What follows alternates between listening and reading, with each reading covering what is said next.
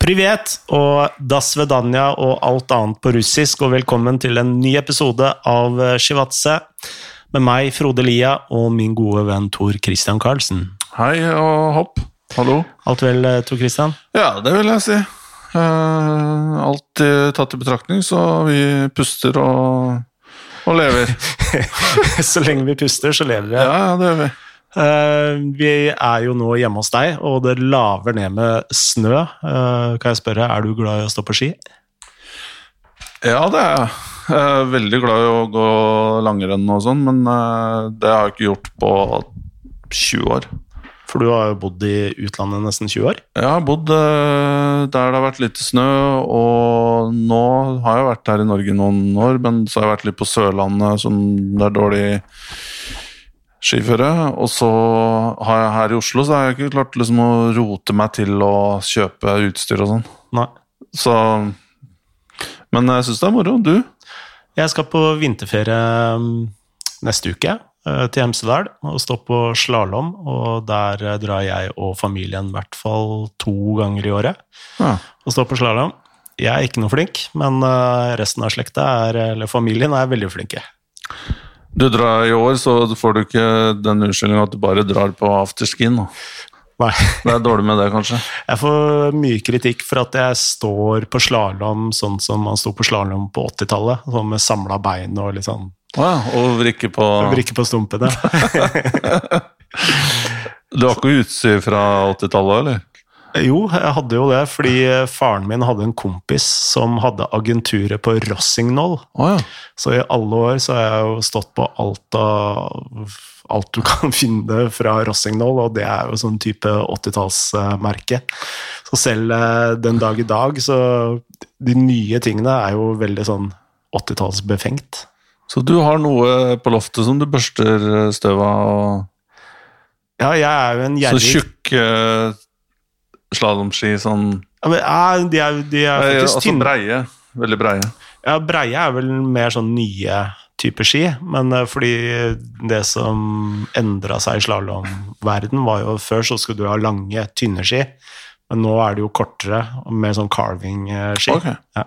Ja, da er jeg enda mer utdatert enn deg. Ja. Eh, Så sånn er det. Men eh, det er jo ufattelig mye som skjer i fotballens verden. Er det noe spesielt du har vært opptatt av den siste tiden? Ehm, Nja, det er vel uh, Følger jo med på det meste. Um, kanskje fra Premier League så er det vel mer at City på en måte har uh, Ja, Guardiola har fått uh, dette her i gang igjen. Hadde jeg litt jeg var litt skeptisk til det på høsten, men så signerte han ny kontrakt, og hele teamet der fikk nye kontrakter. og og så fikk de ny energi og Ruben Diaz, som er liksom uslåelig. Er det 17 kamper eller noe sånt? Uten, med 17 seier eller hva det er. Um, og så er det jo den uh, Champions League-kampen som var i forgårs med Barcelona og PSG. Mm. Hvor uh, jeg egentlig tenker at Barcelona har Jeg skrev også en sak for ISBN om det for noen uker siden, om at Eh, Barcelona egentlig har eh, kommet seg gjennom en utrolig trøblete sesong liksom, foreløpig til For å holde på disse skimetaforene, da, til 17 eh, i stillkarakterer. Kanskje 17,5. Er det høyt eller lavt? Jeg som ikke Å ja. Nei, det syns jeg er sånn mm, bra. Ja. Eh, mer enn du kan forvente av en klubb som ikke har en president og ikke har et styre som er funksjonelt og har alt det greiene med Messi og, og Men så gikk de på den smellen her, da, så får vi se om de klarer å bounce tilbake. Så du kampen? Jeg så kampen, og en av de mer underholdende kampene jeg har sett på kjempelenge. Eh, Men jeg er jo litt sånn halvopptatt av gambling, eh, og i forkant av den kampen der så så du jo Altså, oddsen rase nedover på Barcelona, og det er sånn eh, indikator på at veldig mange som setter masse penger på Barcelona, har troa på Barcelona, da. Og det er sjelden jeg har sett altså bettingverden ta så feil som de gjorde i den kampen der. Uh, fordi altså styrkeforholdet er jo helt reversert. Men mye av det er jo selvsagt pga. skaden til Neymar.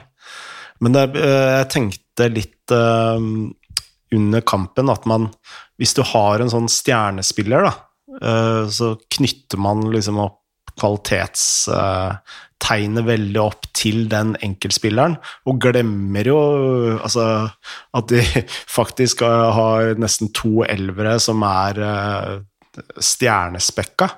Uh, bare se på de der spissparene med Icardi og, og Kings og, og Mbappe, uh, ikke minst, da, omtaler dem som om omtrent ikke kan spille fotball. Nei, Mbappa kan jo spille litt. Ja, og selv Icardi var jo ufattelig frisk, og Moisen Keane med den uh, headinga og Ja.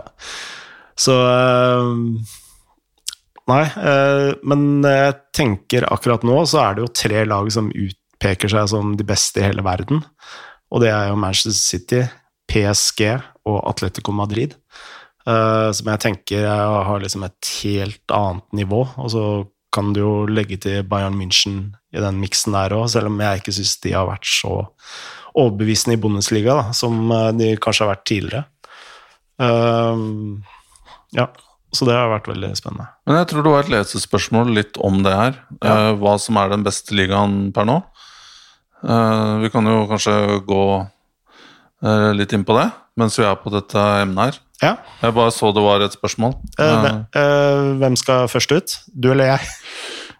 Nei, altså uh, Ja, som Og da tenkte han Hvis du har spørsmål der, så kan vi jo ta det ordet. Ja, altså Det er Bård Ersnes som da lurer på det, og han spør I disse Champions League-tider, hvordan vil dere rangere topp fem av Europis euro, europeiske ligaer. Gjerne se litt bak resultatene i årets Champions League, Europaliga, og ta med faktorer som talentutvikling, dommere, stjernespillere, managere osv. Rett og slett ta utgangspunkt i totalpakken. Dette er jo en sånn fylle hel uh, Jossimar-blekket. Uh, altså, dette er jo en utredning ja, altså, Bård det spør om her. Men uh, jeg kan jo hoppe uti det, da. Jeg har tenkt litt på det. Jeg så det spørsmålet tikka inn. Um, og det er kanskje Dette her er jo sånn, litt sånn trendting. da, Folk elsker å diskutere, og noen ganger så er det liksom etter en kamp Nå er det mange som kanskje skriver opp liga og ned uh, Primera Divisjon La Liga, ikke sant? På mm. av den kampen som var der. Og, Bundesliga fikk en trykk av Leipzig. Hadde ikke noe særlig sjanse mot, mot uh, Liverpool, men uh, men han inviterer jo til en litt dypere analyse her, da. Jeg tror vel det man må se på, er jo ressurser, da. Når alt kommer til alt. Um, og og vi, vi, står jo fortsatt i den pandemien her, og det verste er kanskje over, men eh, ingen har full oversikt over implikasjonene som vil følge med i tre, fem, sju år fremover. Men jeg vil jo fortsatt påstå, eh, og, eller jeg, vil, jeg, jeg, har fortsatt hunch om at engelsk Premier League er sterkest vil jeg si. Uh, og det handler om at uh, de uh, beste spillerne føler jeg er der. og så er det enkeltlag, altså, og jeg, jeg, føler også at um, det er Ok, nå har det sittet den der utrolige run der med 16-17 kamper ubeseira, men allikevel så er det Jeg føler at Hvis du tar litt sånn median-lag, da altså Hvis du tar lag som er mellom 12 og 80 i Premier League, mm. så tror jeg de er sterkere enn 12 og 80 i de andre divisjonene, altså de andre ligaene i Europa. Ja. Og hvis du på en måte kan måle kvaliteten litt på det, ikke bare på topp eller bånn, så tror jeg Premier League er sterkest, og de har jo de største ressursene og kommer sannsynligvis fortsatt uh, til å ha det. Men jeg sender den over til deg, og så kan vi jo, uh, kan vi jo spare litt her. Ja, altså spørsmålet altså Jeg tenker jo at uh, det er jo to spørsmål her.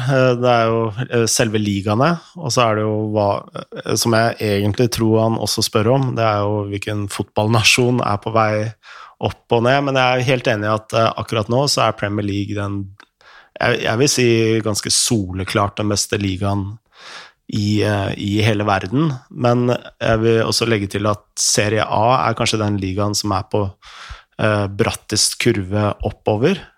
Og La Liga kanskje er den ligaen som er på brattest kurve nedover. Og det har jo mye med ressurser Altså og, øh, Altså det at eh, det er så mye bråk og dårlig økonomi i eh, Spanias desidert største klubb, eh, Barcelona, eller nest største, eller Det blir jo nest største målt i økonomi, da, for Real Madrid er jo større, men bare at den klubben gjør det så mye dårligere, har jo mye å si for resten av ligaen nå. Så i tillegg så har jo Real Madrid også hatt en nedadgående kurve, så du ser to klubber som er kanskje de viktigste i den ligaen. Når de liksom slipper seg ned et hakk eller to eller tre, så går det jo fort nedover, for det er jo de to lagene som egentlig driver den ligaen, tenker jeg, da. Og det er jo det som er forskjellen på uh, Premier League og de øvrige ligaene, det er at du har flere lag som kan drive Altså det er, I Premier League så har du jo liksom Manchester City, Manchester United, Liverpool, uh, Chelsea, Arsenal Altså det er flere som potensielt, og Leicester, da, som potensielt kan vinne. Mens uh, det er uh, mer to og kanskje i beste fall tre horse races da, i, i de andre ligaene. Og argumentet for at eh, jeg tror Serie A er på vei eh, innover, det er jo selv eh, Inter, da, som har litt sånn trøblete eierskap. De har så mye kvalitet på trenersida i ligaen akkurat nå. Jeg vil kanskje si at noen av de aller beste trenerne i verden befinner seg i Hvis du måler i sånne fem, femmannsbolker, da, befinner seg i Serie A akkurat nå. Um, så men dette kan jo være litt sånn nisselueaktig, at vi har mer fokus på, på, Serie A fordi det har begynt å spille nordmenn der, men jeg tror egentlig ikke det. Eh, for meg så syns eh, jeg syns Inter ser veldig bra ut, Milan ser veldig bra ut. ja. ja, jeg, jeg, jeg syns jo Serie A har Nå er det jo åpent. nå er det jo på en måte to, to uh, two horse race, men Juventus har meldt seg på igjen, ikke sant. Uh, og så har du Roma og, og Napoli også, som på en måte ikke Som nekter å gi slipp, selv om det er en helt utrolig situasjon der, med kontrakten til Gattuso som på en måte er en uke, så skal han skrive under for tre år til, og så taper de en kamp, og så nei, vi venter. Mm. og så vinner de en kamp, og så er det Må du skrive en ny kontrakt? Nei. og så og så meldes det at Sarri kan være interessert og å ta over, og Benitez blir nevnt. og så liksom De Laurentis virker å være i, i eh, liksom, Ikke helt overbevist om Gattusa, men så slår han så, så, slår de Juventus, da, og så slår de Roma overbevisende 4-1, og så tenker jo ja, Skal vi gi han her tre år, da? Så er sånn, mm. Og den situasjonen der syns jeg er litt sånn symptomatisk for Italia. at Der svinger det veldig akkurat nå. Ikke det at topplagene taper noe særlig for enn for andre. Da har du nå fem-seks lag. Eh, Atalanta blir kobla litt av, og Lazio og Sassuolo, som har vært med liksom opp der de siste årene. Men de fem som vi var inne på tidligere, som på en måte liksom utkrystalliserer seg til å være de beste lagene her. Eh, samtidig så tror jeg det er litt svakhet for ligaen at Juventus ikke eh, er helt i vater. Eh, jeg tror et sterkt Juventus igjen hadde vært symptomatisk på at litt som du var inne på der med Spania, med disse to storlagene, så er liksom lokomotivet i mm. Italia, Juventus um, og Inter-prosjektet eh, Jeg prøver å unngå å bruke det ordet, men jeg har ikke kommet på noe bedre fortsatt. Um, det syns jeg er veldig skjørt. Det er hele tiden sånn Jeg er enig i at på en sånn teknisk vurdering og måten å spille fotball på underholdningsverdien og sånn, så er jo Antonio Conte eh, Det er bunnsolid, og det er underholdende å se på. Det er aggressiv fotball og går i lengderetning. og og, det, og så har du, du har gode spillere, liksom, mer balansert lag enn de andre. Um, og samtidig som det har mye mer spisskompetanse synes jeg, enn de andre i det interlaget. For det, Konto skal jo ha spillere med fart og energi og mm. sånne ting. Og det Lukako holder på med nå, er jo helt vilt. Mm.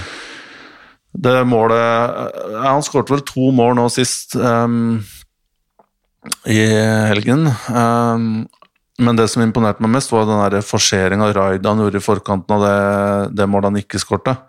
Det var sånn uh, løpeduell litt ut på sida. Starter ganske kort innpå egen, nei, på motstanderens banehalvdel, ja. ut på sida, og så kommer løpeduell, og så bare setter han inn turboen på utsida Eh, stopperen og bare forserer og eh, muskler brøyter seg forbi. Og det minna om George Vea mm. i sin eh, storhetstid, bare med litt andre farger i Milano. Ja. Men jeg, det er kanskje den ligaen som jeg syns er mest moro å følge, da, men jeg er usikker på hvor sterk den er. Så lenge disse lagene ikke presterer så veldig bra i Europa. Nå fikk Juventus det sene målet der mm. uh, i går, uh, foregårs. Uh, I går var det vel. så det får vel, holdt på å si, gjør vel at de kommer seg forbi Porto. Ja. Men ellers så føler jeg at Frankrike er ikke Frankrike er ikke bra stelt. Vi har vært inne på det tidligere her i Chivads om den TV-avtalen som gikk i vasken. Uh, og nå har de fått fremforhandla en ny avtale som ender med at de får ca. Jeg lurer på om det er et sted mellom 25 og 30 av den opprinnelige avtalen. Mm. Og så er det klart at fransk fotball kommer til å lide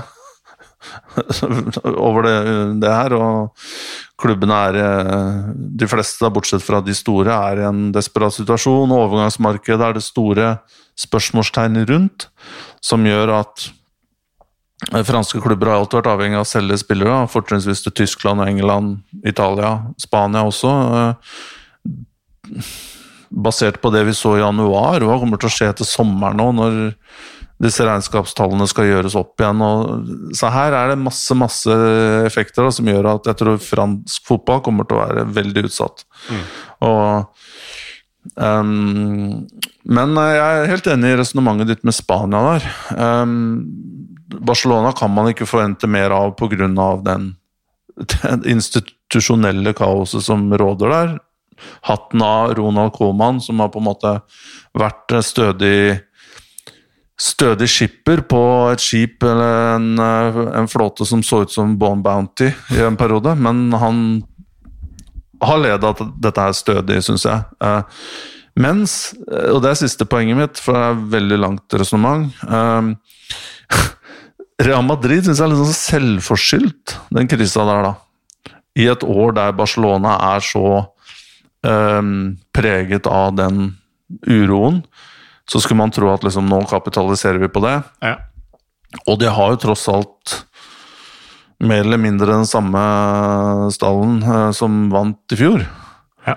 Uh, bortsett fra Martin Ødegaard, holdt jeg på å si. Eller han har kommet og gått, men det er jo ingen grunn til at de ikke skulle gjøre det bedre enn det de har gjort, da, føler jeg. Men det er jo fortsatt Champions League her og, og mm. sånt, og de skal sikkert være med når det knytter seg til der. Jeg skal bare si kort, Det er ikke sånn at jeg mener at eh, Serie A nå holder et høyere nivå enn La Liga, men eh, tro avstanden var altså mye større for fem og seks år siden enn den er nå. Nå er den kanskje Uh, nå er kanskje de to ligaene på samme nivå, da.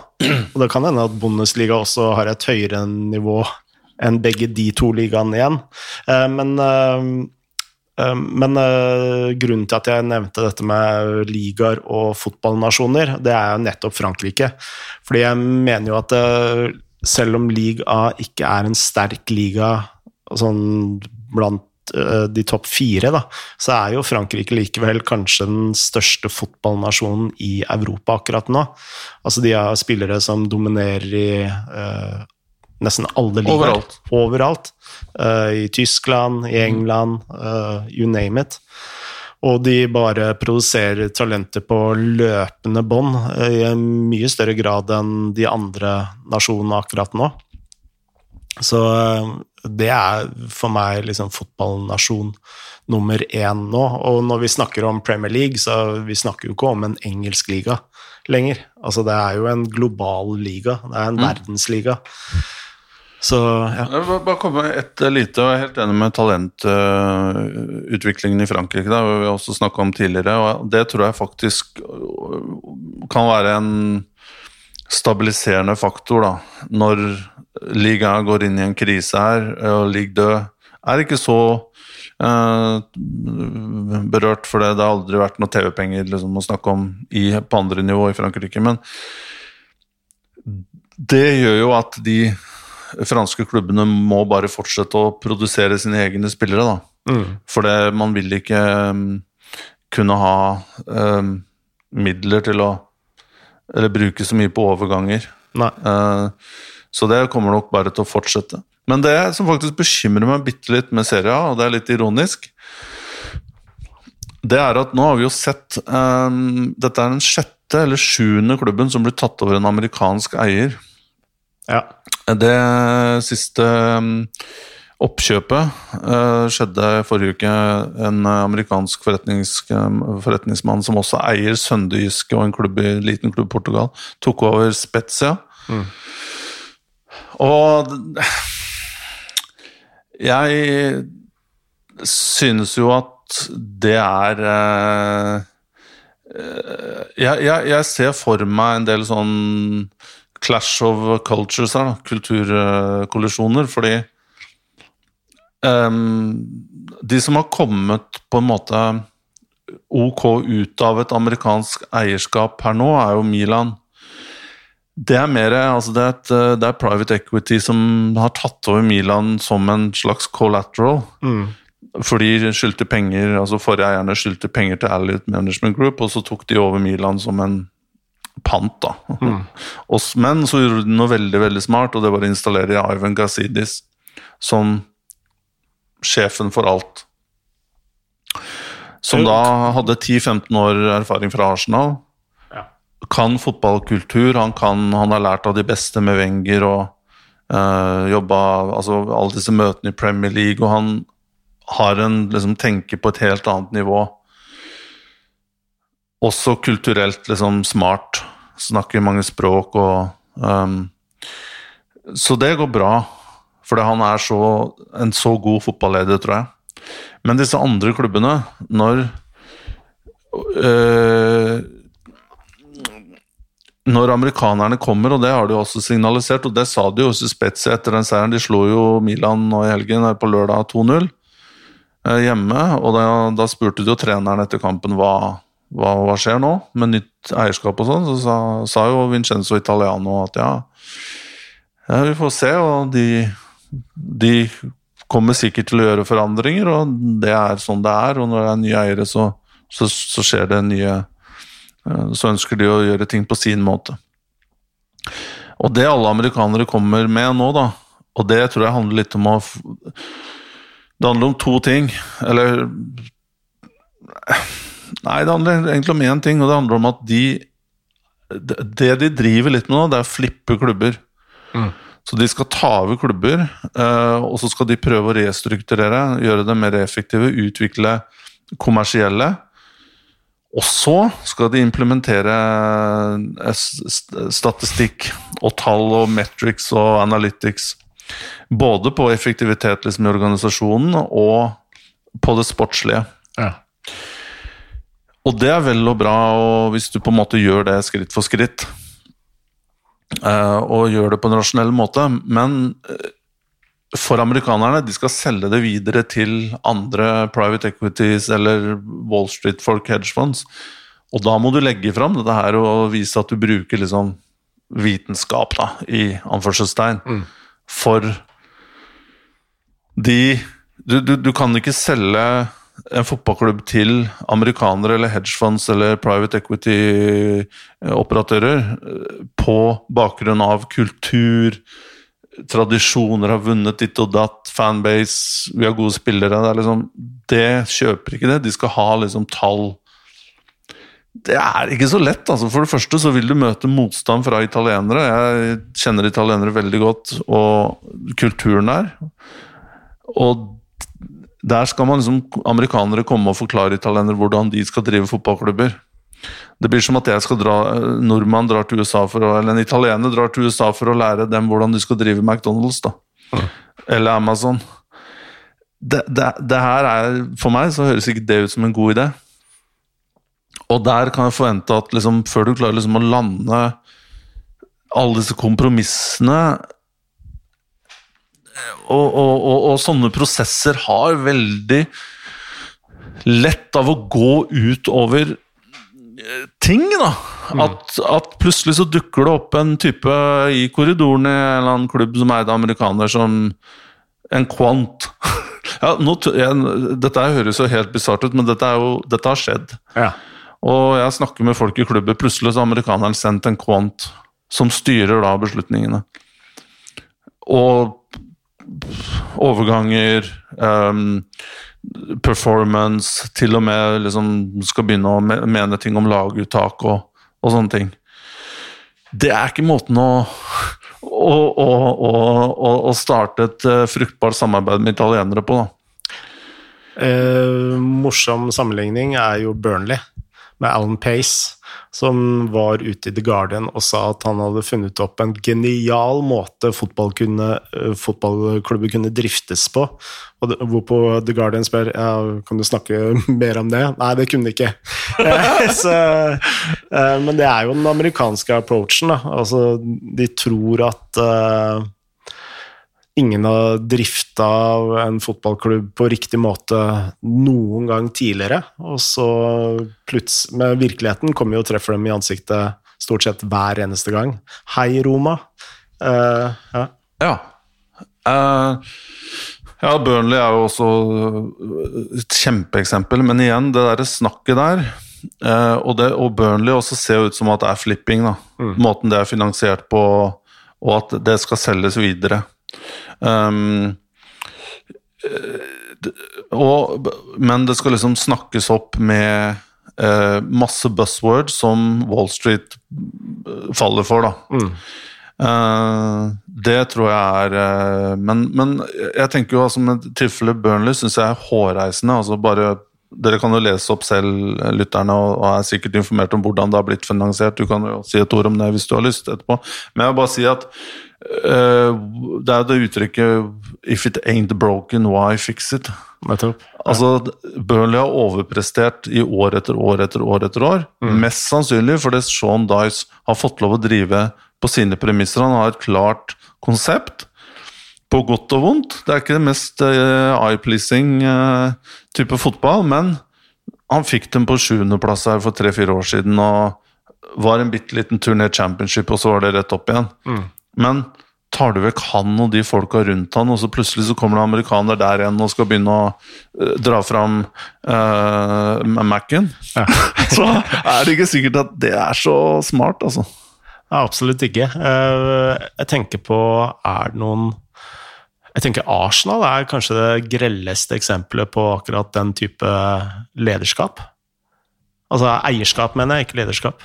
Men har ikke Arsenal egentlig bare liksom Etter at Ga- Gazidis forsvant, har ikke de bare på en måte overlatt det til Det virker ikke som at Krønke, selv om sønnen hans er i styret, men det virker ikke som at de har noe spesielt aktivt lederskap, og bare at det, det, det, det bare det, det bare putter og går, da, og så er det opp til Arteta og Edu nå til å Ja, eh, nå tenkte jeg mer på det å liksom se se på det som en eh, vanlig bedrift, da, og ikke en fotballklubb. Fordi eh, selv om en fotballklubb også er en bedrift, så er ikke en fotballklubb bare en bedrift. Nettopp. Hvis det gir mening. Det det. Og, eh, og det er vel hele ankepunktet med, med Arsenal. Da. Det er at du litt etter litt så mister du jo fotfestet. Du mister fans, du mister hele liksom eller mye av grunnlaget, da. Og det blir vel altså når De barna som vokser opp nå, blir jo ikke Arsenal-fans. De blir jo eh, De blir jo Liverpool-fans, Manchester City-fans, PSG-fans osv. Ja, det er jo ikke så mye å velge mellom. eller altså I London så er jo alle de tre store London-klubbene har jo sine issues. da, mm. Både Chelsea, Tottenham og Arsenal. Men det jeg tror er Nå blir det mye digresjoner her, men det jeg tror er kan redde Arsenal her, det er jo at de har på en måte spist stein, hvis det er et uttrykk, um, i, i 20 år for å finansiere den stadion. Ja. Som nå er ferdigfinansiert, så vidt jeg vet. Altså det, de er nedbetalt, mer eller mindre. Uh, så de inntektene, altså når folk kommer tilbake på kamper og det, altså fantastiske VIP-fasiliteter og sånne ting, når de går til tilbake til klubben, og forhåpentligvis ikke bare til eierne og sånn, Ja. så blir dette, tror jeg, er en, en veldig god eh, bedrift, da. Men du har jo rett i den forstand at de siste ti årene under Wenger, så var det sånn du selger spillere hvert år for å for å dekke kostnadene Ja. til, til stadion, så du har liksom ikke kommet ordentlig Du har ikke fått bygd Du har ikke fått bygd eh, fra en position of, of strength, da. Eh, men um, jeg er veldig spent på det her med som sagt, med amerikanske eiere. Og jeg syns det er veldig rart hvordan de ruser inn i klubbene. Og at, eh, at, at de ikke tar liksom litt mer Sånn som faktisk russerne har gjort. Som har tatt over klubber, i hvert fall de seriøse. da som har lytta, hatt gode, gode rådgivere. Um, og har forsøkt å sette seg inn i fotballkultur og hva er unikt, og hva liksom, For ikke å snakke om uh, disse som driver Manchester City, da. Som Ja, de gikk på noen smeller, sånn, noen dårlige valg her og der i begynnelsen, men de lærte jo fort, da.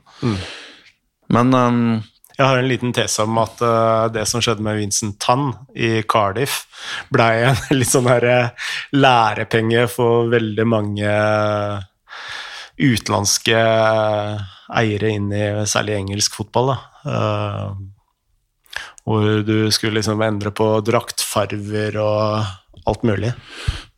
Ja, og eierne tok en altfor uh, stor eh, plass, da. Eh, og det å jeg, jeg tror de beste eierne er de, de du ikke ser når det går bra. Mm. Altså, og for at det skal gå bra, så må du take a backseat og la folk jobbe, da. Så Når vi er inne på TV Nei, ikke på TV, men på tema.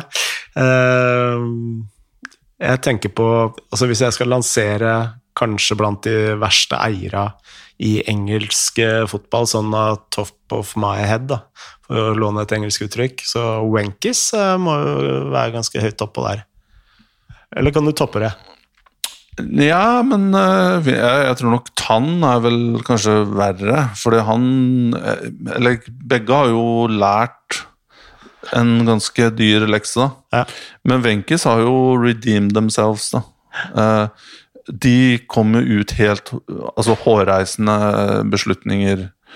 Um, Starta med at de avsatte jo på en måte Sam Allardyce, uh, som fant da en agent på kontoret sitt omtrent. Og agent som fikk drive alt av spillere inn og ut.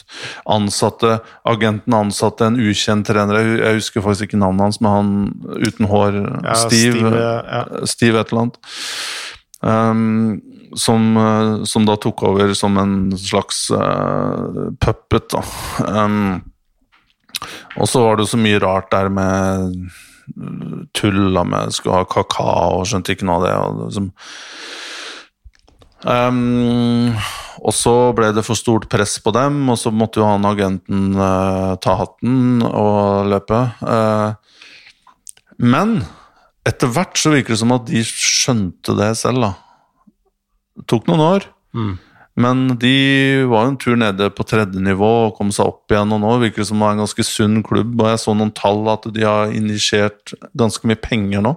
Altså de siste årene. For, å, for, for verken i League eh, One eller Championship så, så er det jo ikke noe TV-penger eller Nei. eh, å hente ut. Eh, men de har på en måte eh, brukt mye penger for å holde den klubben gående, og du ser jo ikke noe mer til dem. Nei. Så de syns jeg på en måte er uh... Men i Premier League så er det vel Glazers og en kar i Newcastle som topper, uh, topper den lista der. Uh, Glazers eh, finansierte vel Manchester United litt på samme måte som Burnley Ja. nå blir kjøpt opp. Ja, jeg føler jo at altså Det er to sider med Glazers her. Altså det ene er jo det du sier der med at de har tatt ut nesten uh, en milliard uh, pund uh, i renteinntekter, da. Eh, og har lånefinansiert klubben mot sine egne verdier. Um, kort sagt. Når det er sagt, så har jo alle managerne som har kommet og gått, fått det de ville ha. Absolutt. Og, de, og de har på en måte ikke jeg, jeg føler ikke at de har Ja, de har tatt ut penger og eh, Manchester United kunne kanskje vært et PSG da, hvis disse pengene hadde gått tilbake til klubben, men det er jo den største spenderen på overgangsmarkedet. Jeg tror det er en nettspend, eh, som supportere liker og Regnskapssupportere, som Thomas Høy kaller dem. Men det er vel med kvaliteten på det, og at eh, det er eh, Glazers mann som tar liksom de sportslige Ja. avgjørelsene, som er det Ja, men, jo, men gjør han det? Eh, altså De siste fem årene som sagt, er de de største spenderne i verdensfotballen. Tror jeg. Og hvis det er feil, så er det sikkert noen som kommer på, på Twitter og, og, og reagere på det. Men eh, det er, det er, om det ikke er noe én, så er de to eller tre. Jeg nekter å tro at verken uh, David Moyes, van Hall, Mourinho eller Solskjær har på en måte at det har dukka opp spillere på Carrington som de har måttet liksom Hvem er det som kommer her? Med Ed Woodward? Nei, det er en uh, Victor Lindeløf fra Benfica. Har du hørt om han? Han er god. Jeg, jeg tror jeg, jeg, tror ikke Ed Woodward altså, Eller jeg tror, jeg vet at det er, det er ikke han som Nei. bestemmer det. Eh, og managerne, og de har analyseteam, og de har eh, kanskje verdens, i hvert fall mest eh, ressurskrevende scouting-operasjon i Manchester United. Eh, hva gjelder ressurser de legger i det.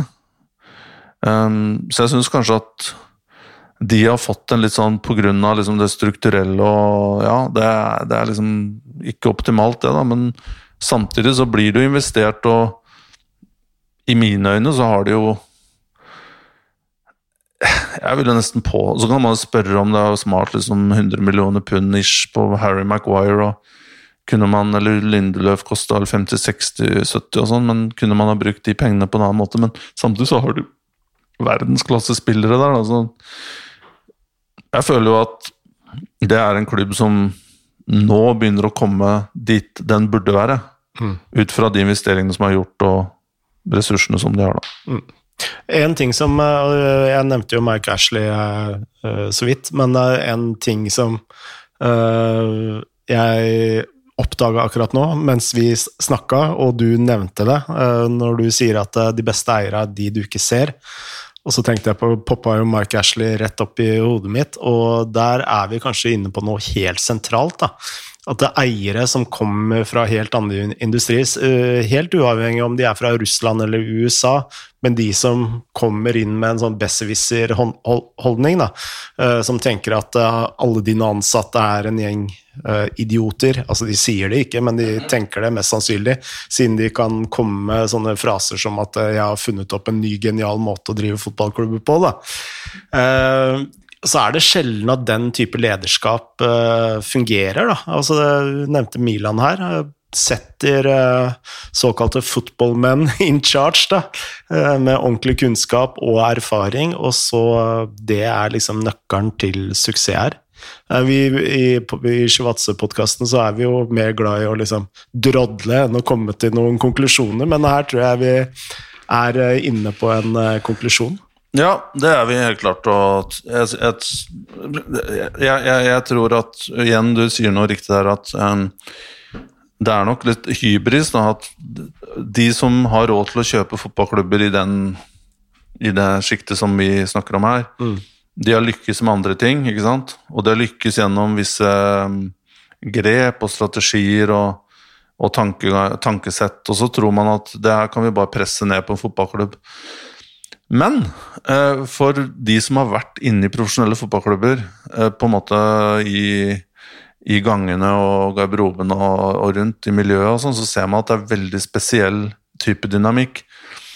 Er, og man må forstå litt sånn altså, Jeg, jeg fikk Jeg snakka når var det? Forrige uke med en eh, Dette er et eksempel eh, på en som jobber i en klubb som nå fikk en relativt ny CEO som egentlig ikke hadde noe med fotballen å gjøre, men, men eh, var ansatt for å effektivisere og, og gjøre klubben til en mer sånn levedyktig eh, organisasjon. Og han hadde da satt opp, altså den CEO CEO-en hadde da tatt initiativet til å sette opp sånn um, access-kort. Altså du må stemple inn, da. Mm. Um, Eh, og dette her samsvarte selvsagt med en eh, run med dårlige resultater. Uh, når det går bra i fotball, så får jo de sportslige gjøre som de vil, og så taper du noen kamper, så mister man troa på dem. Mm. Sånn er det overalt. Uh, og så sier han vedkommende her til meg at så sier han at det er liksom ingen Altså, det er det dummeste han har sett. Og det er jeg jo for så vidt enig i, men CEO-en har resonnert på den måten at ja, det er for er, Grunnen til at det går dårlig med klubben her, det er fordi vi er Vi jobber ikke hardt nok. og så spurte han meg sånn om råd, ja, men hva, hva ville du gjort i den situasjonen der? Så sa jeg i hvert fall at ja, men nå vet jeg ikke hvilken posisjon du er til, og kan du gå til eieren, eller kan du gå til presidenten eller styret, eller Men hvordan vil det bli sett på hvis du går unna CEO, da? Men det som er viktig å få formidlet her til de upstairs, det må jo være at fotballen er ikke åtte til fire. Altså, den har sin egen syklus. Noen ganger så har du ikke behov for at folk kommer til training ground der den der stempelmaskinen står og lyser. Noen ganger, noen dager så har du naturligvis ikke behov for å dra dit i det hele tatt. Bare etter en kampdag så er det de som kanskje skal ha restitusjon eller gjøre noe småtteri. Ja, og da har du behov kanskje for noen fysioer da, til å komme inn. Andre dager så er det mindre behov, for da spillere ikke trenger behandling eller oppfølging. Um, og, andre, og noen uker så jobber du ekstremt intenst. Du reiser. Uh, du, du, du, du, som, du har ikke engang tid til å hvile. Og så noen ganger så sitter du hjemme og gjør ting. Ringer, du tar telefoner. Og det gjelder ikke bare sportsdirektør eller sjefsspeider eller hovedtrener. Det er liksom fordelt på, på mange. Så det er jo viktig at man forstår at i fotballen så er det en egen rytme i det. Du kan ikke samme, altså det, det, det, også det er jo noe av det mest liksom, katastrofale meningsløse initiativene som jeg har uh, hørt. Og det er sånne ting som ofte skjer da når du har nye folk som kommer inn og tenker her må vi gjøre ting på en helt annen måte. Det er for lat i fotballen. Hva, de er her i gjennomsnitt Jeg har regna på det seks timer i uka. Ikke, Og stille krav. Stille, stille krav, øh, men ikke sant? Um, så Det er, og jeg tror grep må gjøres litt med sånn derre Og nå, nå blir det veldig mye digresjon her, men også litt sånn Uh, fotballklubb er Nå skal jeg ikke bli sånn supernostalgiker og romantiker, men det er et sted med sånn- en slags sjel. eh, som uh, har en viss kultur og, Og, og det er noen mennesker i den uh, i den uh, klubben da, som på en måte representerer den sjelen. Da. Og da er det liksom ikke bare å se at ja, men han eller henne er her bare fire timer om dagen, fem Du har ikke gjort det som står i kontrakten, du får dra hjem. Minner meg om eh, platebransjen på altså, Mens jeg studerte, så jobba jeg for eh, et av de største platebransjene Nei, pla, eh, plateselskapet i Norge som eh, designer. Jeg lagde noen nyhetsbrev og sånt. Eh, og da husker jeg det, de ble kjøpt opp av et annet selskap, og det skulle komme rene koster inn. da. Og det selskapet jeg jobba for, hadde jo litt sånn eksentriske A&R. Det var egentlig to plateselskap. Eh, veldig sånn profilerte og anerkjente i platebransjen. da. Men uh, når disse nye eierne kom, så kom jo stemplingsklokka inn. da. Og jeg han ene uh, som hadde kontor rett ved siden av der jeg hadde kontor. Uff. Og vi hadde veldig åpent og fritt forhold. Da. Kjempefin kar, som ikke lever lenger nå, dessverre. Men han huffa seg så fælt. Jeg har vært ute med han uh, artisten helt til klokka fire om morgenen. Var nordlending der? Han var nordlending, ja. Uh, og det var jo li, altså Hans liv var jo å være ute blant artister, være med dem i studio. Liksom. Se gigs til midnatt? Ja, ja, ja og uh, drikke noen øl og sikkert noe mer, mer til. da. Uh, og så skal du liksom uh, klokke inn klokka ni om morgenen i tillegg, da. Ja. så ja, det er. Det er et sånn godt eksempel på å ikke liksom, skjønne hva du egentlig har kjøpt deg inn i. da. Ja, helt klart. Og jeg syns det er så rart at mange som tar de store beslutningene om å om å kjøpe noe så spesielt som fotballklubb, at man ikke kanskje gjør litt mer research da i forkant, mm. egentlig. Um, men uh, ja, nå går vi Wolfgang ved ankatt i næringen her, med de lange Nå har vi snart en time og snakka om én ting. Ja, jeg har jo vært uh, på besøk hos Wolfgang. Jeg har sett. du har sett? Ja, eller jeg har hørt det. Ja. Syns det var bra, jeg. Ja. Ja, bra. Det var det jeg venta på at du skulle si. ja, ja, ja, jeg har kosa meg de fem timene. Jeg synes det var ja, bare, Veldig fin podkast. Hadde jo håpa å få smake litt på whiskyen hans, men uh, han kunne fortelle at han ikke drakk whisky. Ja, for han er vel alltid på et eller annet sånn fasting eller noe hvit prosjekt. Ja, men altså sånne greier som ja. For å være litt sånn overlegen, sånn som jeg holdt på på, på 90-tallet. Ja. Som har blitt poppis igjen. Ja, ja, det går i syklus. Det siste jeg hørte fra Wolfgang Wie, er at uh, jeg tror det er Pop Pilates som er siste han han er inni, ja. Jeg, jeg, jeg forsøkte også det på 90-tallet. Ja. Ja, Erik Thorstvedt er jo stor på pilates. Ja. ja. Ok. Så, men det er en fin treningsform, det. Uh, blanding av yoga og styrketrening. Ja. Uh, kanskje noe vi skulle prøve. Ja. Så starter Pilates-podkast eh, etterpå. er det noen flere spørsmål? Ja, det er flere spørsmål, men eh, vi har et tema til som jeg har lyst til å, å snakke om utenom at det er spørsmål. Eh, og det er en av mine norske favorittspillere har jo dratt til Russland. Emil Bohinen. Og og eh, vi skal ikke bli en sånn podkast hvor vi vurderer salgssummer og, og sånn, fordi vi veit jo Og det er noe som kanskje irriterer meg veldig.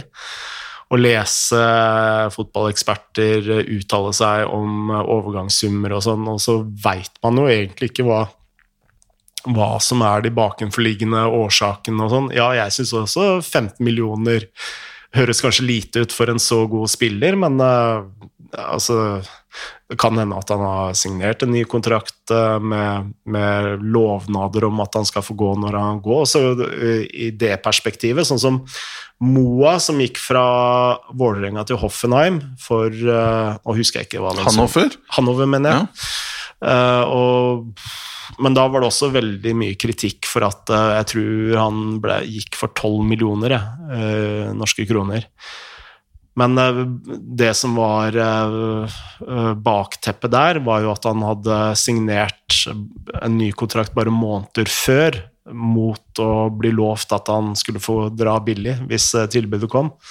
Så i det perspektivet så skal jo kanskje Vålerenga være veldig heldig som fikk 12 millioner i det hele tatt, når han kunne ha liksom gått gratis bare noen kort tid tidligere. Og derfor er det litt sånn døvt, kan jeg bruke et sånt uttrykk. Uh, å uttale seg så bastant om summer og sånt uh, når man veit så lite som man egentlig veit. Uansett, han drar til en stor klubb, og Stabæk får uh, mange millioner. Og han er en av mine favoritt-norske spillere akkurat nå, ved siden av Braut Haaland. Jeg elsker å se han spille fotball. Eh, jeg syns han har en sånn eleganse som er eh, deilig å se på, som nøytral fotballsupporter. Eh, som nøytral Vålerenga-supporter? Ja, som nøytral Vålerenga-supporter. Men han minner jo mye om faren sin òg, må jo si det. men han drar til Russland, og der har jo du jobba. Og det er veldig få som kanskje veit mye om russisk fotball. Eh, så hvordan vil du rangere ligaen, og hvordan er det å jobbe og bo i Russland som fotballspiller, tror du? Uh, ja, jeg er enig med deg at uh, jeg også liker Emil Bohin. Veldig, veldig god spiller. Uh, og jeg tror han passer godt i, i Russland òg, med, med det, altså flerbruk. Kanskje ikke Han ser vel kanskje på seg selv som en indre løper, eller han vil ha en mer definert rolle, men det er jo en styrke at han kan spille omtrent alle roller i sentrallinja, fra stopper til tier. Mm. Eller spiss, for den saks skyld. Han har sikkert ikke gjort seg bort der heller, men um, um,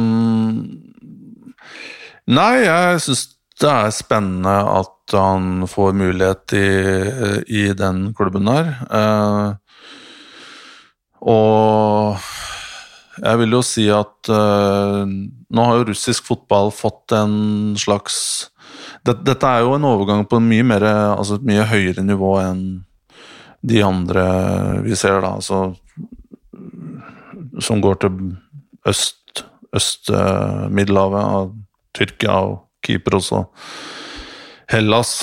For så lenge det ikke er Premier League eller store, liksom, kjente navn, så rynker man ofte kanskje litt sånn med, med panna da, i, mm. i, Norge. Men dette er jo en, dette er en stor klubb, eh, og det er jo militæret sin uh, klubb, egentlig. Uh, fra gammelt av. Uh, nå har vel ikke de så store Det er jo privat, privateid nå, men russisk fotball hadde vel på en måte sånn, på 2000-tallet så ble det investert veldig veldig mye penger. og ZSK og Lokomotiv og det var Dynamo er vel, har vel vært litt nede og på konk og sånn, men Spartak er jo det største laget i, i Moskva. Og, det, og, Spartak er på en måte litt som Bayern München i Tyskland, da, som er har de største, flest supporter og, og following. Eh, men eh, da investerte de mye, de betalte veldig høye lønninger. Eh, det var det vi kaller oligarker som, som, eide klubbene. Det er det til en viss grad nå, men de bruker ikke så mye penger lenger på det. Uh, eide Abramovic CSKA på et eller annet tidspunkt? Nei, jeg tror ikke Jeg, jeg lurer på om han var involvert i Hvilken klubb var det? Var det Dynamo, eller? Um, men om det var Setteska, og noe, Kanskje du husker Men det han, han, var ikke på en måte den som uh, fronta det, da. Men uh, fant du det? Ja, han uh, var, Det var CSKA? Ja, han var i CSKA. ja. Eller ja. eide det en periode. Riktig. Men på det, det jeg skal fram til, at på 2000-tallet, kanskje fram til VM i eller egentlig litt fram til uh, oljeprisen stupte. Mm. altså Zenit også, da, er jo en av de som har brukt mest penger, og er de liksom det er jo klubben til Medvedev og Putin, som er fra St. Petersburg. Ja. Og eies av Gazprom, og, som er et statlig selskap. Så de har jo ressurser, liksom De har sugerør, holdt jeg på å si! Eller uh, gasslinje ned i Jeg skal ikke si ned i statskassa, men uh, de har i hvert fall ekstremt uh, stabil eiere, da. Ja. Um, så de har jo vært litt sånn hatt en fortrinn der. Um, mens disse Mos Moskva-klubbene og de andre har vært mer private folk da, som har uh, subsidiert. Um, og så skjedde det jo litt sånne ting med uh, ca. 2014 med noen uroligheter i Ukraina politisk, som bidro litt til at uh, Russland ble litt sånn litt, han- litt boikott. Uh, gjorde det vanskelig for russere å drive forretninger og sånn til utlandet. Ja. Jeg tror kanskje det påvirka også økonomien, da. Eller det er jo påvist at det er gjort. Um, og oljeprisen, som sagt. Mange av disse private har jo også oljeservicebedrifter og på en måte er kobla til den russiske økonomien. da, Så når det går dårlig med den, så går det eh, så er ikke lysten deres heller så stor da, til å bruke penger på fotball. Så nå er ikke russisk fotball der det var for etter Altså etter, i hvert fall etter VM i 2018. Mm. Da var det liksom Da har det blitt nedskalert. Eh, Så nå, Men ZSK har jo også vært eh, liksom, De har gått mer på den linja at de tenker mer videresalg, og de tenker unge spillere, verdi. Du, de henta jo Juki fra Heerenveen, ikke sant? Mm. Eh, via Vålerenga, Heerenveen, ZSK. Og han har gjort bra der. Um, de har et par islendinger, bl.a.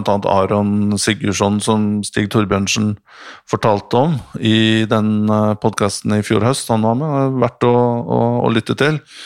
Som er eh, ekstremt stort islandstalent, bare 99-modell, samme som Bohin. Han gikk fra Norrköping? Ja. ja. Og de betalte vel sånn 50 millioner for han, tror jeg. 45-50 millioner. Tror jeg noe sånn rundt der. Det var Ja. et veldig stort kjøp. Eh, Og han er jo allerede Altså på det tidspunktet, som Stig sa, da han gikk til Norrköping, så var jo han ønska av store, store klubber i Europa. Ja.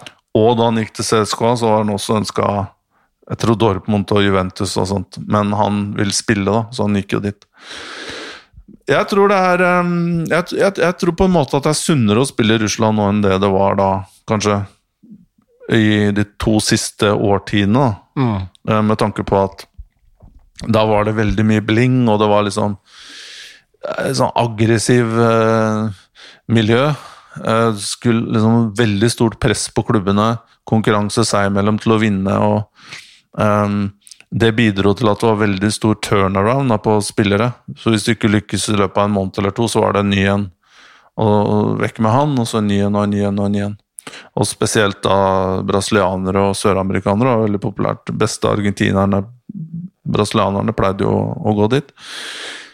Men jeg tror, jeg, jeg, tror det er et sted hvor du kan øh, utvikle deg. og Du ser jo samme Runar Nordmann. Og når du har liksom god holdning, og du er ambisiøs og gidder å Og du er profesjonell, eh, så, så, så får du gode forutsetninger, altså.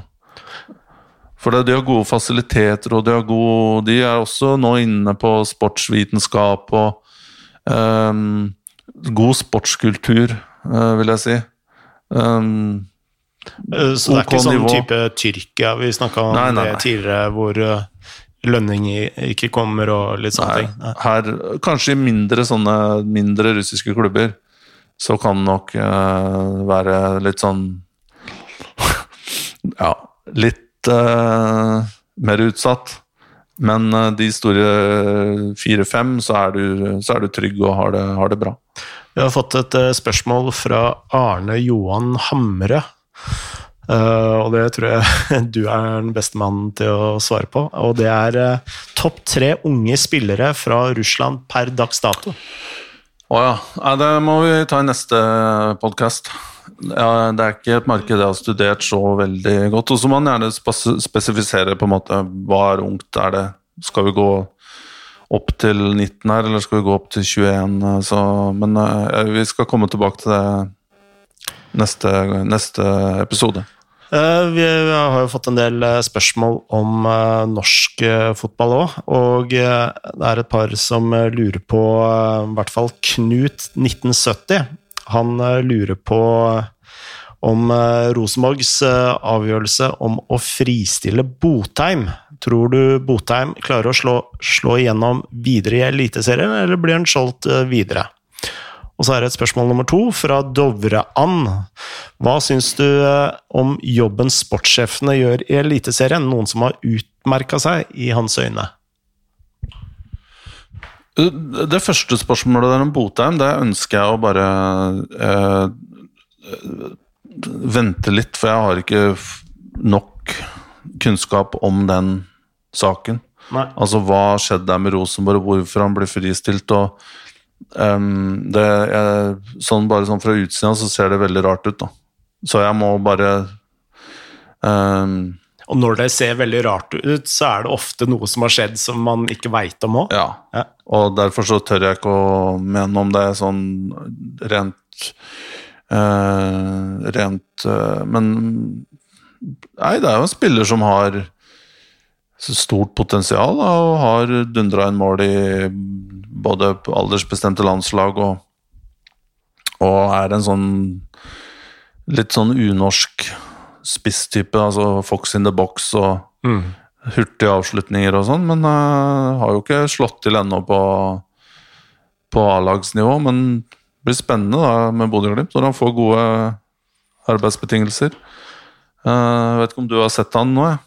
Nei, eh, jeg vil, jeg vil også vente litt med å svare, svare på akkurat det. Jeg er ganske sikker på at det kommer Eller altså, det er stor sannsynlighet for at det kommer mer ut i pressen eh, på et eller annet tidspunkt om eh, hva som har, skjedd der. Eh, For det ser jo Jeg syns også det ser rart ut fra utsiden. Jeg blir bare litt sånn Det som bekymrer meg bitte litt med saken her, det er jo at det er bare spilleren sin side da, som uttaler seg her. Ja. Og Rosenborg kan er nesten litt forhindra til å si så mye om den saken. Mm. For da kan man bare si om den internen. Altså det er en På en måte De vil jo ikke henge ut en spiller. Nei. Og så Rosenborg sin side av saken her syns jeg er litt for dårlig belyst. Og det er bare spilleren som har på en måte vært veldig verbal her, da. Mm. Så før vi Før jeg i hvert fall, som du sier, da, kommer med noen konklusjon, så vil jeg vite Rosenborg sin versjon her. Men én ting uh, som uh, i kjølvannet av det uh, Vi hadde jo Lars Bohinen her på besøk, som, eh, som eh, Han sa det vel ikke helt direkte, men han eh, kunne ane at Bodø-Glimt hadde en fordel av at de kunne trene gjennom hele oppkjøringsperioden før sesongen i fjor. Nå er jo det snudd fullstendig på hodet, fordi de har jo hatt to koronautbrudd og er eh, ja, når vi snakker nå, akkurat i gang med oppkjøringa si. Mens de andre har liksom holdt på et par uker allerede. Hva tenker du om det? Uh, nei, jeg tenker at uh, hvis de klarer å holde seg smittefrie nå, så, kan, kan, så, hold, så er jo det på en måte akkurat i rute her. Da har de to måneder, og de får vel inn disse fem kampene som, som de får lov å spille. Uh, og det har jo ikke skjedd så mange forandringer her at eh, eh, Ja, de har mista Hauge, og, og, og når Junker er der, og så de mekanismene og relasjonelle da, det, som de på en måte kanskje skulle Følte at ikke var helt perfeksjonerte. Mm. Eh, Skal ikke glemme at Sinkernagel er borte, det, det, det må vi jo nevne. Men kanskje den terpingen som de ønska å få til i fjor vinter, og ikke fikk Ja, altså som, som de fikk mulighet til å gjøre da, og jobbe bra med, eh, og var utslagsgivende. Kanskje ikke den er helt så nødvendig i år, da, i og med at dette er så smurt, det maskineriet der. Men det som er en X-faktor her, er jo hva skjer utover nå. Hvor kommer neste utbrudd? Og da er det jo Da mener jeg man vil jo ha en enda større Altså Hvis Bodø-Glimt er ferdig med dette her nå, Ja. og får nå to måneder med god trening og sånn, så er det jo i rute. Men det er verre hvis du får et utbrudd 1. mars, når du akkurat liksom skal begynne å pushe ordentlig, og så blir du da ute i to uker. Mm. Så, så jeg tror Bodø-Glimt uh, ser blir bra, jeg. Um, sportsdirektører i Norge um, Der uh, tenker jeg at eh, virker Altså, nå vet jeg ikke Det er klart, vi kan jo ikke gå vekk fra Bodø-Glimt. Og jeg vet ikke om Asbjørn Nei, Asbjørn Åsmund Bjørkan Om han er eh, Altså, han er jo sportsdirektør, eh, men eh, Og det er jo klart, han eh, det, det, det, Han har jo hatt en Altså Helt sentral del i det som har skjedd der Mm. eh, de siste årene, så det er jo toppkarakterer.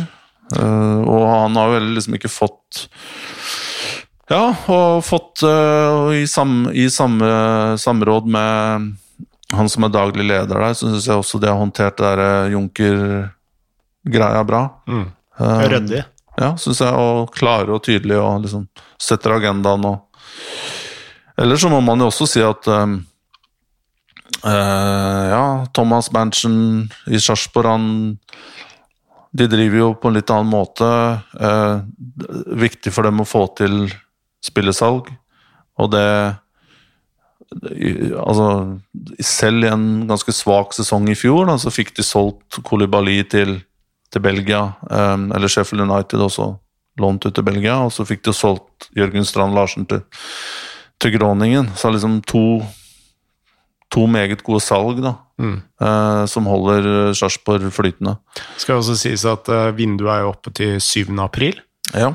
så vi kan jo ikke sette to, to streker under svaret.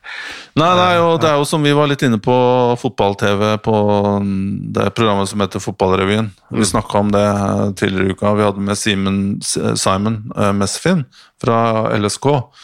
Og noe av det vi er veldig opptatt av, da, det, er det er jo at en sportssjef, sportsdirektør eller hva du vil, skal ikke nødvendigvis bare bedømmes på om en spiller har lykkes eller ikke. Nei. Der er det for det første flere mennesker som avgjør spillere som skal inn. Uh, og på salg så er det gjerne styret som bestemmer. Og så skal det også ha en hovedtrener som gidder å jobbe med de spillerne som kommer inn, og tenke utvikling. For i Norge så må man gjøre det. Uh, og, men uh, ja. Og jeg har jo sansen for Simon nå, ikke bare fordi han var gjest på fotball-TV, men fordi han, der, liksom, han jobber langsiktig og har en har en, eh, et bilde av hvordan LSK skal se ut eh, eh, i årene framover. Da. Så da har jeg trukket fram eh, tre. Jeg vet ikke om du vil legge til eh, nå? Ja, Nei, jeg vil bare legge til at Simon er også en veldig hyggelig fyr. ja, ja Så- absolutt. Det er ikke noe tvil om. Så det, det ve- veier også opp. Uh, en ting som jeg eh, Når vi kommer til neste spørsmål her, fra Vebjørn Steines, hashtag 26. Han eh, lurer på Tror dere rovdriften av spillerne i denne ekstremt hektiske sesongen kan gi spillerne større skadeproblemer i fremtiden? Eller tar klubbene tilstrekkelig hensyn til spillernes eh, helse? Og eh, de rapportene jeg har fått eh, rundt omkring, er jo at uh, i denne vinteren her så er det ekstremt mye skader uh, rundt omkring. Og jeg har hørt om uh, enkelte klubber som trener, som er kjent for å trene ganske hardt. De har hatt nærmest 50 eh, skadeoppmøte. Så det er jo ganske ekstremt. Ja, vi hørte jo rykter om det er liksom to-tre økter og sånn. Ja, eh, både her og der. Riktig. eh, Og på full eh, pupp-intensitet. På full pupp, ja. Såpass. Ja, Full Ja. pupp. ja. ja. Er der Frode fra Enebakk eh, kommer frem.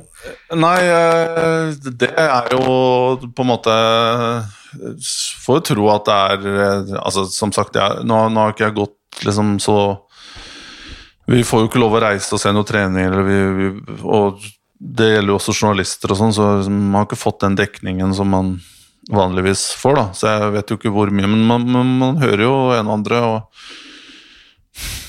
eh, Noen eh, Altså, det blir, blir jo en litt sånn annerledes eh, oppkjøring nå med med at man uh, ikke får den der Spania mm. De par ukene der. Andre er jo enda lengre, lenger sør og bruker sommeren Vinteren på Gran Canaria og sånn, men nå blir det jo sånn, bare sånn generell betraktning fra min side, og jeg, jeg har fått inntrykk av at de siste årene at man har tatt Altså man har gjort en del fremskritt på det med fysisk trening da, her i Norge. Mm.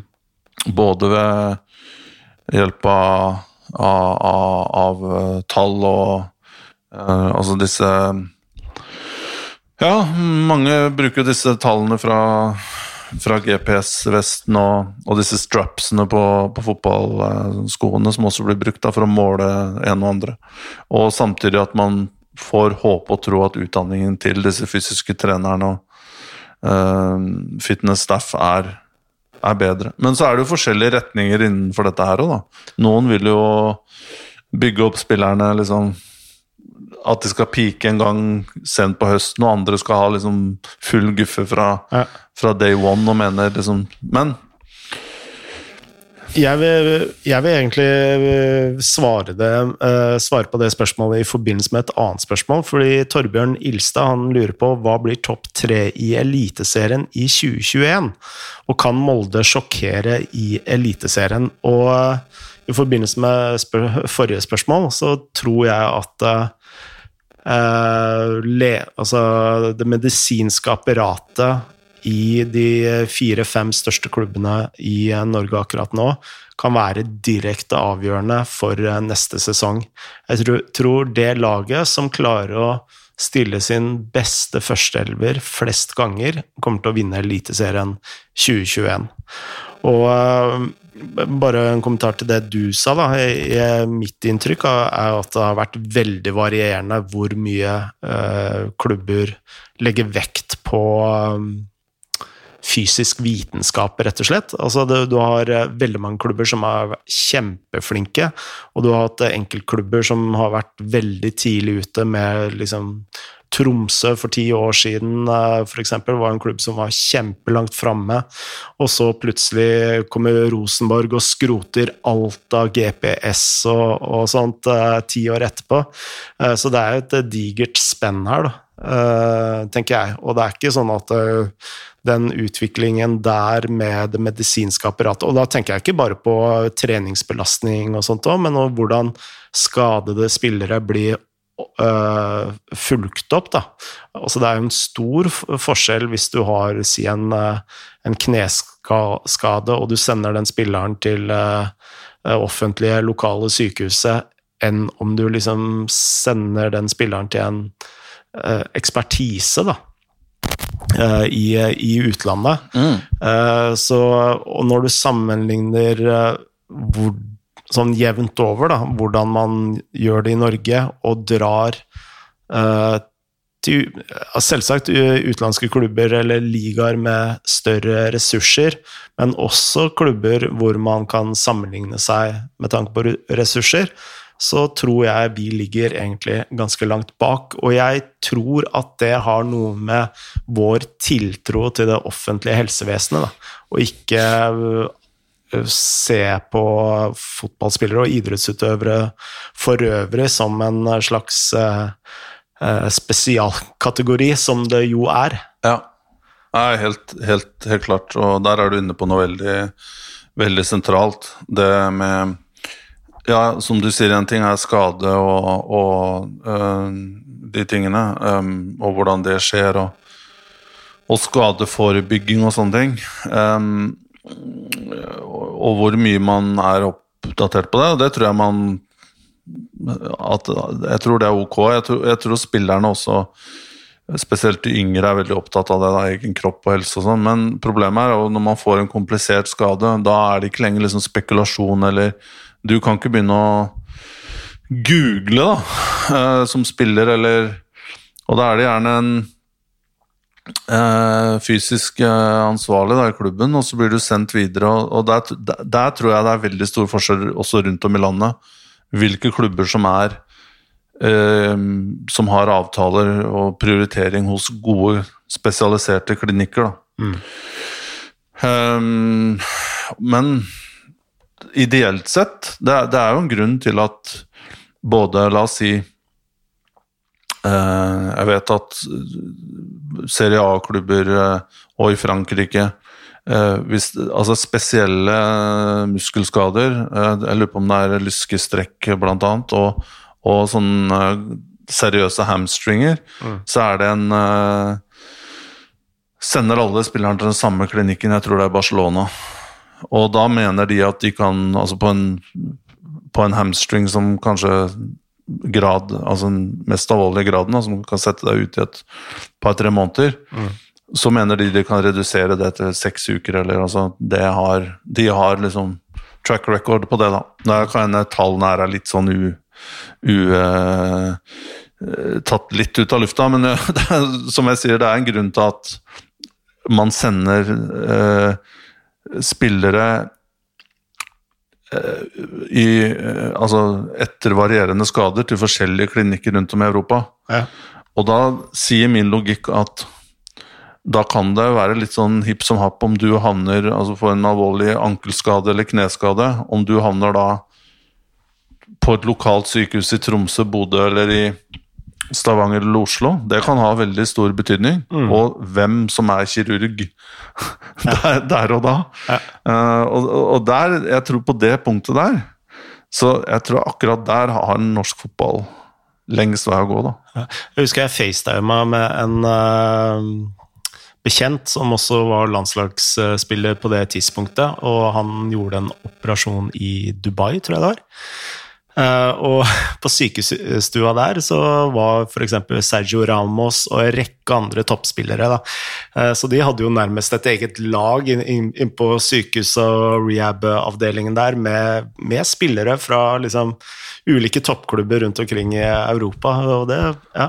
Ja, det sier, jo, det sier, jo, alt. Men hvis du snakker med noen av Nå skal jeg ikke på en måte henge ut av mange utrolig dyktige Eh, medisinske medisinmenn og -kvinner her i Norge, i klubbene. Mm. Men det er noen som jeg føler liksom tenker at ja, men vi har det beste opplegget her. og da tenker jeg, men hvorfor sender ikke Manchester City-spillerne til altså, klinikker her i Norge? Da? Altså, det er jo en grunn til at disse spesialistene er mm. spesialister og kan, kan og det, Dette handler jo også om økonomi, da, selvsagt. Men topp tre Um, ja, du sa det. 7. april uh, stenger overgangsvindu. Uh, vi har ikke sett noen treningskamper ennå. Jeg tror usual suspects, da. Jeg tror ikke Bodø-Glimt blir like overlegne i år. altså, det ville jo vært naturstridig. Sinkernagel, vi har snakka om de tallene hans. Uh, vi må ha lov til å snakke om tall, selv om vi på en måte hadde den ranten om Om tall? om men det er mye, mye, god viten du kan få ut av tall. Det vi snakker om, er måten det ja. implementeres på, som kan være problematisk. Men eh, Sinkernagel, den sesongen han hadde, var jo helt eksepsjonell. Um, jeg, jeg har, en, jeg har en hunch på Molde igjen, altså.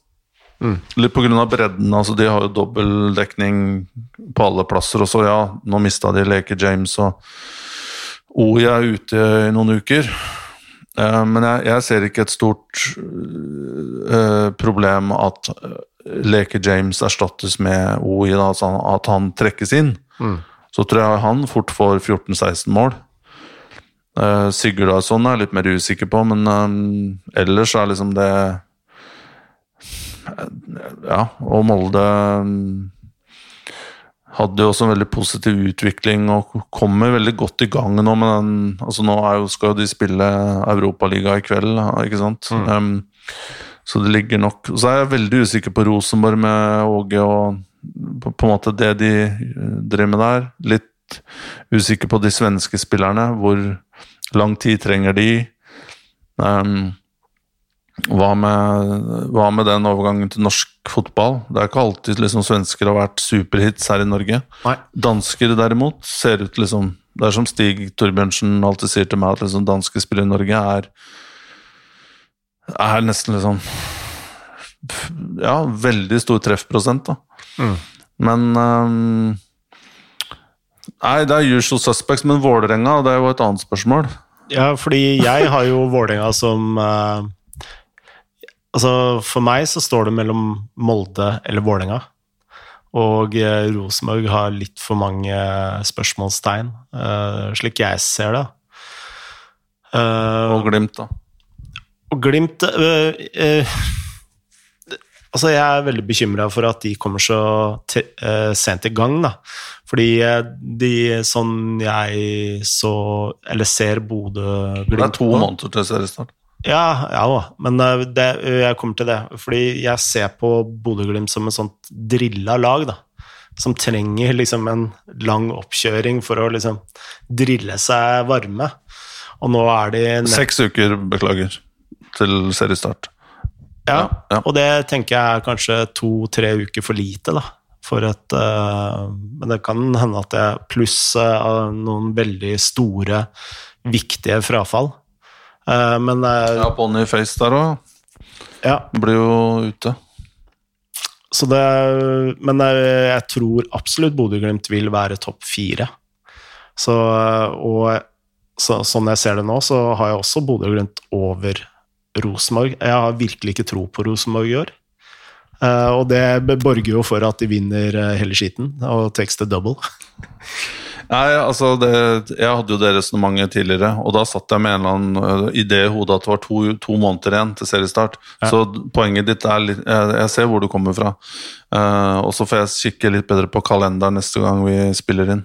Men jeg, jeg, jeg, jeg står litt ved det at jeg føler at de mekanismene og relasjonelle altså Bodø-Glimt er så innarbeida at at de ikke blir så uh, satt så langt tilbake, da, tror jeg. Men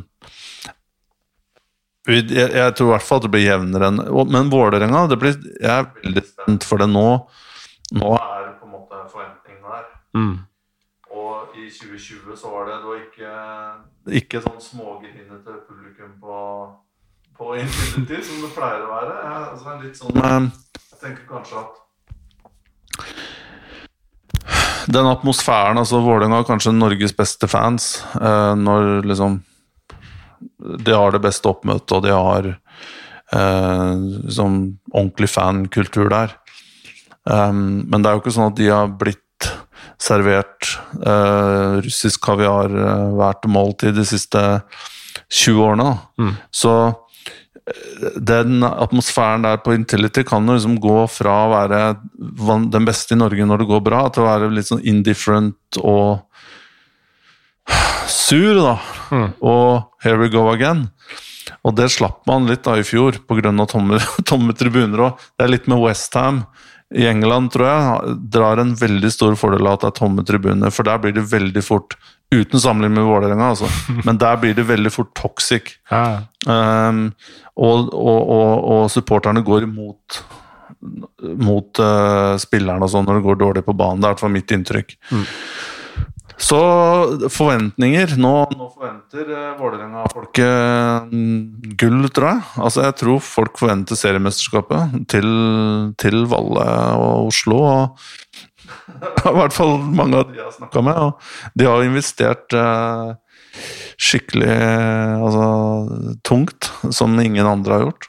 Det som jeg tenker eh, eh, snakker for Molde, da, det er at jeg tenker at de har litt mer X-faktor enn det Vålerenga har. Eh, Vålerenga har vel eh, to og en halv spillere jeg, som har en sånn stor X-faktor i min uh, eh, bok. Da. Det er Osame og Kjartason. Uh, jeg putter ikke Dønnum inn i den eh, boksen der. Eh, god spiller, men han er en Altså, hadde du sendt han som Jens Petter Hauge til Milan, da, så ville han opplevd det samme. Italienerne hadde studert den og skjønt at han går til en side hver eneste gang. Mens Kjartason og, og Osama er jo mye mer uforutsigbare, da, som utgjør en slags eh, X-faktor, og den har nok Molde mer av hos flere spillere, uh, sånn jeg ser det. Ja, så har du Lajoni, som for meg er et stort spørsmålstegn. Altså Han hadde én Det har jeg sagt mange ganger, men han hadde én god sesong i Norge. Og før det så har han vært journeyman, spilt lavere divisjoner i Sverige fikk ikke ny Altså, han rykka ned med Elverum, og det var en annen som sa rett og slett at var det Bod altså, før han gikk til Bodø-Glimt, så var han på Var det Vegard Hansen som fortalte at han har vært på prøvespill i Mjøndalen, men han, de så ikke noe i han. Um, og begynnelsen i Bodø-Glimt så var jo liksom heller ikke stor, men så hadde han den derre tre kvart sesong hvor han var veldig god. Så, men så tror jeg ikke han har liksom han har tjent bra i Egypt, men jeg tror ikke det er de summene som folk snakker om. Nei. At han har liksom har blitt eh, er, Egypt er ikke Qatar eller eh, Emiratene. Nei. Det er litt annet nivå på Og du, du, får en, du, får ikke 20 millioner netto i året hvis du kommer fra norsk fotball. Men det er jo liksom Det har lagt veldig mye prestisje og snakker opp han veldig. Uh, ja, men det er spennende uh, å se. Men som jeg også har sagt tidligere, at hvis det er en mann som kan få maks ut av en så på en måte Å rendyrke Lajoni da, mm. på det han har, liksom et lokomotiv på kant, uh, liksom den hurtigheten og Så er det jo Fagermo. Um, så det, sånn, på papiret så er jo det en god match, men samtidig så Jeg syns jo allikevel at både Vålerenga var litt sånn fada og litt på slutten her, bortsett fra siste kampen som de dessverre vant. Ja. Synes, um, litt, liksom var litt svake på bortebane. Uh, sleit i Ålesund der og underlag liksom på bortebane. Og Molde litt det samme som knapt vant bortekamper på høsten. Um, men, men allikevel syns jeg Molde er det liksom, solide laget. Mm. Og kvalitetsspillere i alle ledd. Dobbeltdekning. Gode unge spillere på vei opp. Jeg vil, per nå så vil jeg sette pengene på Molde. Bra. Eh, vi har bare én strek igjen på batteriet på vår eh, Zoom recorder. Eh, så vi har holdt på i en og en halv time her nå. Det er ikke helt Wolfgang-nivå, men jeg lurer på om vi må sette på stoppknappen før opptaket går åt skogen. Er det noe mer du har på hjertet før vi avslutter, Tor Kristian? Nei, egentlig ikke. Jeg tror. Jeg har fått sagt, fått sagt mye. og